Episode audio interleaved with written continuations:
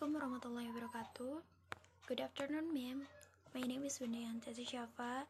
So in this video, I will answer the questions from you and keep watching. Holiday.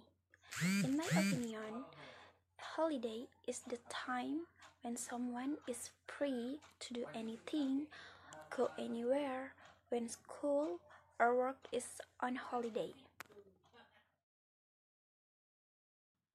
In my opinion, the advantage are maybe it can refresh the mind, avoid stress due to the money talks, and the disadvantage is that it doesn't exist because for me holidays have many positive impacts for us as students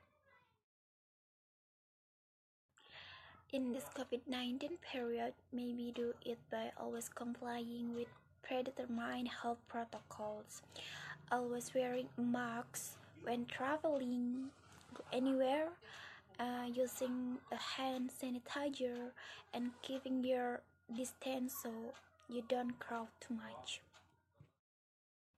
My holiday only goes to BTM or Bogor Trade Mall to go to the cinema with my friends.